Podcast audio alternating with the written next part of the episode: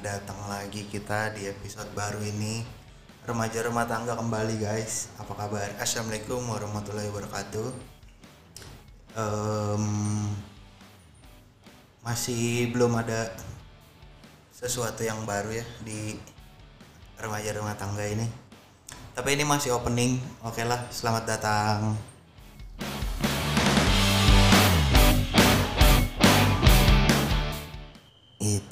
kurang lebih openingnya gitu cukup lah ya. Sekarang saya hadir tanpa backsound backsoundan. Em, lebih baik. Soalnya kemarin mencoba untuk ngeklaim bahwa podcast ini adalah podcast milik saya dari anuannya Spotify. Ternyata jangan ada gitu-gituan ya katanya. Ya udah jadinya. Nah, tetap ada suara motor ya nggak apa-apa lah jadi gini gua tuh mau mau apa ya? Ini pengalaman lucu ya. Waktu itu gua kan sempat ada project sama seseorang diajak. Jadi awalnya tuh karena temen gua Gaza namanya Gaza tuh di sebelah barber gua dia buka usaha juga. Namanya eh, buka usaha laundry gitulah. Namanya apa ya Gladys Gladys laundry gitu. Beneran di sebelah barber. Waktu itu dia sibuk di situ. Sekarang sih lagi tutup. Nah jadi dia tuh kan atlet kempo ya. Di kempo tuh dia ya terkenal lah namanya se Indonesia terus dia mulai ikut apa fighter fighter buat di film gitu kan nah dia kebetulan ah, sempat udah main sama Joe Taslim gitu-gitu. Nah dia waktu itu ngajak gua buat eh, nggak apa-apa ikut aja dulu gitu. Gua nggak ada basic apa-apa sebenarnya buat kayak gitu kayak gituan. Terus eh, mulainya emang nggak nggak langsung yang berantem berantem juga gua. Jadi kamera guy gitulah nah ternyata yang gua rasain pas jadi pas gua ngeliat ya jadi itu modelnya gini dia si stunt team yang Gaza punya ini dia disuruh sama misalnya ada orang mau bikin film filmnya mau ada adegan fighting adegan fightingnya kan udah si orang filmnya udah tahu nih kayak tempatnya bakal di sini ntar ada properti ini properti ini. Nah kita bikin dulu nih di studio di tempat gym gitu di tempat apa dance gitu tahu kan? Kayak yang depannya kaca gede terus ada ruangan rada luas gitu. Nah kita bikin di situ. Ceritanya ada pohonnya ada ada pintunya gitu gitulah. Dibikin seakan-akan aja supaya menggambarkan situasi nanti buat di filmnya. Koreonya dibebasin ke kitanya. Nah gua waktu itu kan jadi kamera guy tuh ngerekam rekamin mereka yang coba kayaknya gerakan ini bagus deh angle-nya kayak gini deh. Nah, nanti eh, percobaan yang kita kirim itu kalau disetujui sama mereka bakal dipakai di filmnya gitu. Persis adegan yang kita bikin itu. Nah waktu itu gua jadi kamera guy rada shock juga gua. Gua kan susah ya jongkok jongkok gitu. Sementara eh, kadang ada yang misalnya orang lagi berdiri terus kitanya jatuh mau ngejatuhin orang kakinya dipukul. Kan dari bawah tuh berarti gua shoot. Nah ada waktu itu kayak apa ya berantemnya tuh ada yang udah jatuh gitu duduk gua shoot bawah. Terus ada mau nangkis apa gitu ceritanya. Nah pas jongkok itu gue susah tuh.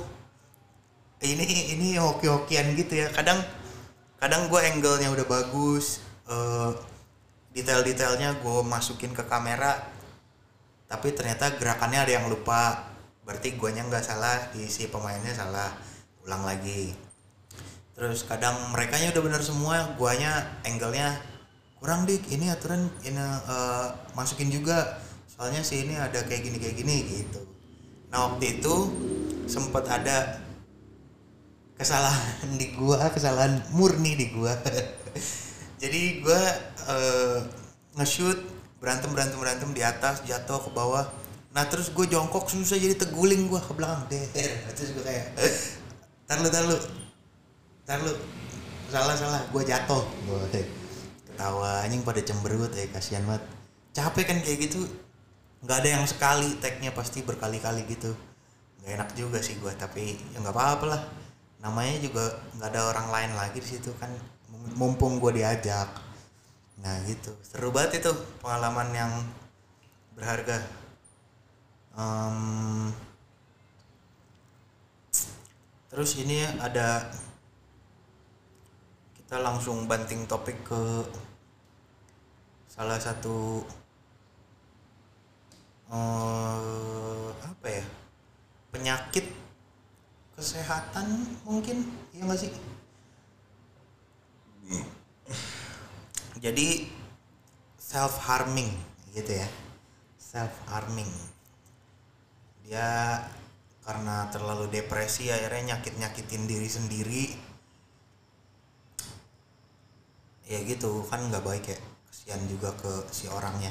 Tapi ya ada yang beberapa orang yang kayak gitu gue suka lihat di twitter kayak diupload gitu. Jadi dia misal nyelet nyeletin tangan gitu terus tangannya difoto terus kayak aku nggak mau kayak gini lagi gitu. Tapi lah, maksud gue ya gue nggak tahu juga ini secara psikologisnya apa ya gitu kan yang yang benarnya. Cuman kalau misalkan ada kegiatan setelah nyakitin diri terus diupload daripada dia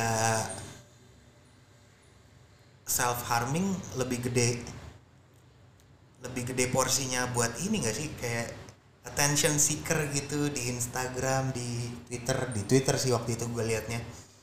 Orangnya sih gue nggak kenal ya nongol aja di di timeline. Tahu kan suka ada yang nge, nge-like terus masuk ke timeline kita. Aduh duduk goyang goyang nah ya kayak gitu modelnya. Cuman kan gue nggak tahu ya maksudnya. Biasanya kan kayak orang kayak gitu misalnya gantung diri eh bunuh diri juga gitu kan self harming ya? Iya gak sih? So tau sih ini tapi ya lu dengerin aja lah gue ini yang ngomong. Jadi orang bunuh diri kan biasanya gitu tuh. Nggak ngabarin nggak ngabarin terus keluarganya nyariin ternyata di kosannya gantung diri gitu. Bias kan kayak gitu ya? Eh, itu kalau misalkan tapi ada juga sih yang yang dulu inget gak videonya? Katanya dia ngupload di Facebook dia lagi gantung diri gitu. Ya itulah. Cuman gua rada rada mikirnya kayaknya kalau sampai ada kegiatan buat ngupload si hasil self harmingnya ke media sosial ya menurut gue lebih ke mungkin dia nggak nggak yang sakit secara mental sampai gimana gimana cuman emang butuh apa ya? Ya butuh ada yang lebih ngajak dia ngobrol mungkin atau dianya ada yang ngajak ngobrol tapi belum tahu cara ngebuka diri supaya supaya sebenarnya masalah tuh emang nggak bisa di nggak bisa ditahan gitu nggak bisa dipendem gitu. Mungkin sekali lagi itu hanya mungkin itu prediksi saya. Em, terus saya juga mau bilang tentang nah oh ya ini nyambung sama yang sama yang gua jadi kamera guy terus jongkok terus jatuh ya. Gue tuh pas kecil eh sedikit banget mainan yang pakai jongkok jongkok. Soalnya dulu tuh ada gundu kan. Gundu tuh seru banget. Orang orang pas seumuran gue pas mereka kecil eh maksudnya orang seumuran gue yang sekarang nih kadang mereka ngomongin kayak iya dulu gue main gundu kayak gini kayak gini kayak gini. Wah seru banget. Tapi gue kagak main karena karena gendut aja susah jongkoknya. Walaupun ada anak kecil lain yang gendut tapi tetap main gundu tapi ya itulah. Kadang ya gue boker di tempat jongkok aja rada ada khawatir gitu. Tapi kan biasanya WC gitu kan deket sama bak ya jadi gue bisa pegangan. Nggak yang nggak yang ngejeblak amat lah. Pegangan gitu kan habis boker pegel ya tangannya kan. Capek lah jadi orang. gendut jangan gendut ya guys. Jaga kesehatan jaga berat badan. Terus oh ya kemarin gue di telepon sahabatku. Namanya Gatoy. Gatoy sekarang lagi di Sulawesi. Nah si Gato itu waktu itu bilang dia dikasih tahu ada film apa ya mungkin dokumenter gitu kali ya si film dokumenternya ini ngangkat kisah uh, pemain film porno. Ternyata kejadian apa yang apa yang mungkin kalian suka lihat di film porno yang segitu membangkitkan gairahnya ternyata di belakang layarnya tuh jauh berbeda gitu. Kadang pemain porno kan yang yang kita lihat gitu ya kan? Nah katanya si Gatoy gue sih nggak nonton beneran ini mah. Ada di live gue waktu itu dia yang ngomong. Si Gatoy bilang katanya si pemain porno tuh si laki-lakinya misalnya buat ereksi aja karena untuk kebutuhan produksi ya kan nggak mungkin di si film porno tuh adegannya yang cuman sebentar-sebentar gitu kan. Mereka butuh yang berdurasi lama supaya gini gini gini gitu supaya ngejual. Nah si laki-lakinya dikas di mungkin kayak diobatin gitulah si penisnya. Dikasih obat supaya uh, untuk ereksi aja lama apalagi untuk uh, ejakulasi gitu. Eh bahasa gue udah gue tahan-tahan nih supaya enggak keceplosan. Mudah-mudahan kalian memahami maksudnya nah tapi ya uh, dari dari cerita Gata itu gue juga memahami kalau kalau ternyata emang apa pun lah apa pun apa pun yang diproduksi kalau eh ya mak maksudnya gini apa pun yang bakal jadi bahan konsumsi pasti produksinya banyak yang nggak kita tahu. Eh nggak kita tahu nggak nyangka gitulah nggak nggak prediksi ternyata oh gini ya? Gitu. Kalau lu dulu tahu saus saus botolan gitu yang suka di mie ayam mie ayam tahu kan? Terus dulu ada kasusnya mereka nguleknya pakai kaki terus cabenya cabai busuk gitu tahu kan? Nah iya maksud gua banyak faktor ternyata yang akhirnya eh, kegiatan produksi tuh nggak nggak jadi yang kayak kita harapkan gitu itu dari segi apa pun kayaknya sih. Iya nggak? Pada setuju nggak? Ayolah please setuju lah. Gue nggak tahu lagi nih. Kayak gimana lagi? Coba nggak tahu dah. Nah ini juga yang gue rasakan dalam apa ya dalam ya mungkin gue juga bikin podcast nggak yang bagus-bagus gimana amat tapi setelah menjalani beberapa episode gue lumayan lumayan ngelihat kayak ternyata yang misalnya lu ngelihat podcast lain yang kita sebut saja podcast mas gitu kan itu seru-seru banget tuh. Itu bukan karena merekanya asik eh maksudnya bukan karena mereka obrolannya asik doang gitu. Mereka tuh udah karena karena punya basic yang beneran beneran ngelotok lah di di mereka. Si Imam Darto dari kapan tahu? Udah di Prambors Surya Insomnia dari kapan tahu? Udah siaran juga. Empat empatnya itulah. Nah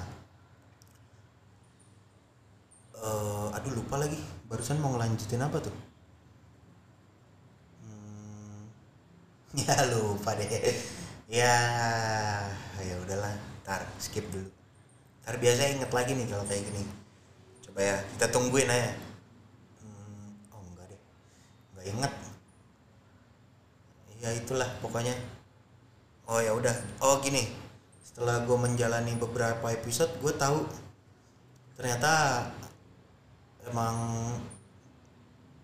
kadang apa ya dari yang gue lihat dari analitik gue maksudnya statistik podcast gue yang paling banyak tuh adalah episode ini.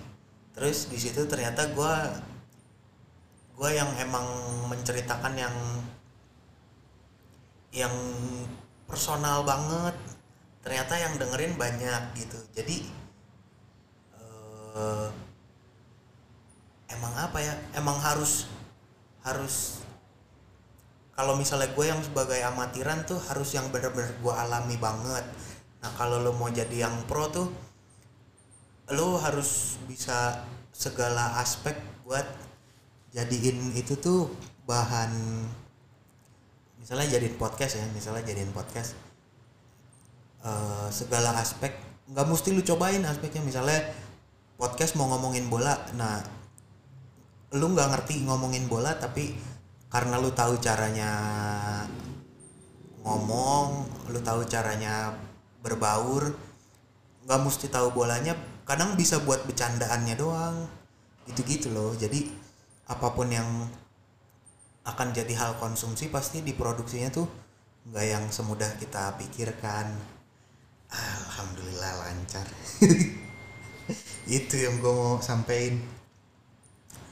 Habis itu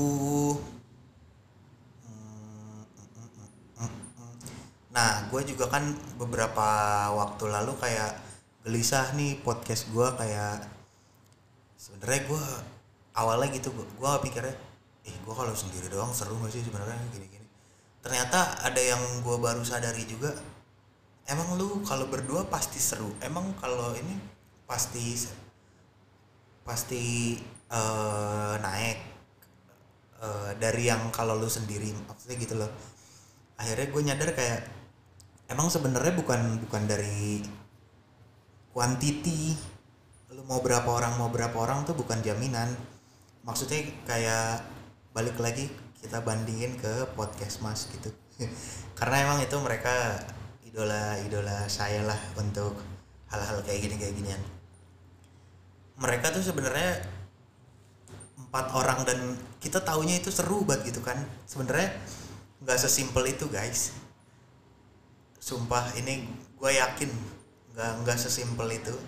Mereka tuh dulunya emang punya basic yang sangat kental gitu di di bidang itu. Jadi kelihatannya kelihatannya justru ya sebagai sampai sampai yang kelihatannya segitu recehnya tapi punya daya jual tuh justru yang susah tuh yang kayak gitu dah. emang gue masih amatiran jadi gue percaya proses ya mudah-mudahan gue bisa bersaing. Iya gitu. Terus gue kan tadi ngomongin kayak emang kalau berdua? Nah akhirnya pada baru kemarin nih gue take sama si teman gue yang Gaza itu yang ngajakin project fighting Koreo fighter gitulah. Itu gue coba kan. Ternyata berdua tuh masih tetap banyak yang harus lu pikirin. Contohnya ini orang tektokannya ya masih menurut gue sih tektokannya enak apa enggak ke guanya kalau dia sebagai partner kalau dia sebagai narasumber gue sama sekali belum pernah nyobain buat interview orang ya nah akhirnya gue nyobain tuh kayak gitu. Terus gue kan awalnya kan awalnya gue tahu nih Gaza punya pengalaman atlet bela diri terus pernah main film gara-gara karirnya di bela diri bagus terus kayak gini kayak gini. Itu kepikiran tuh di gue kayak nanti gue mau nanya ini nanti gue mau nanya ini. Aduh motor selamat datang di Bekasi. Nah ya gue kepikiran nanya itu nanya itu. Ter- ternyata pas lu mulai yang lu nggak tahu nih ternyata si misalnya si waktu itu yang gue rasain ya si Gazanya serius buat buat eh, dia sangat memposisikan diri sebagai narasumber. Itu sama sekali belum pernah gue coba akhirnya gue nemuin.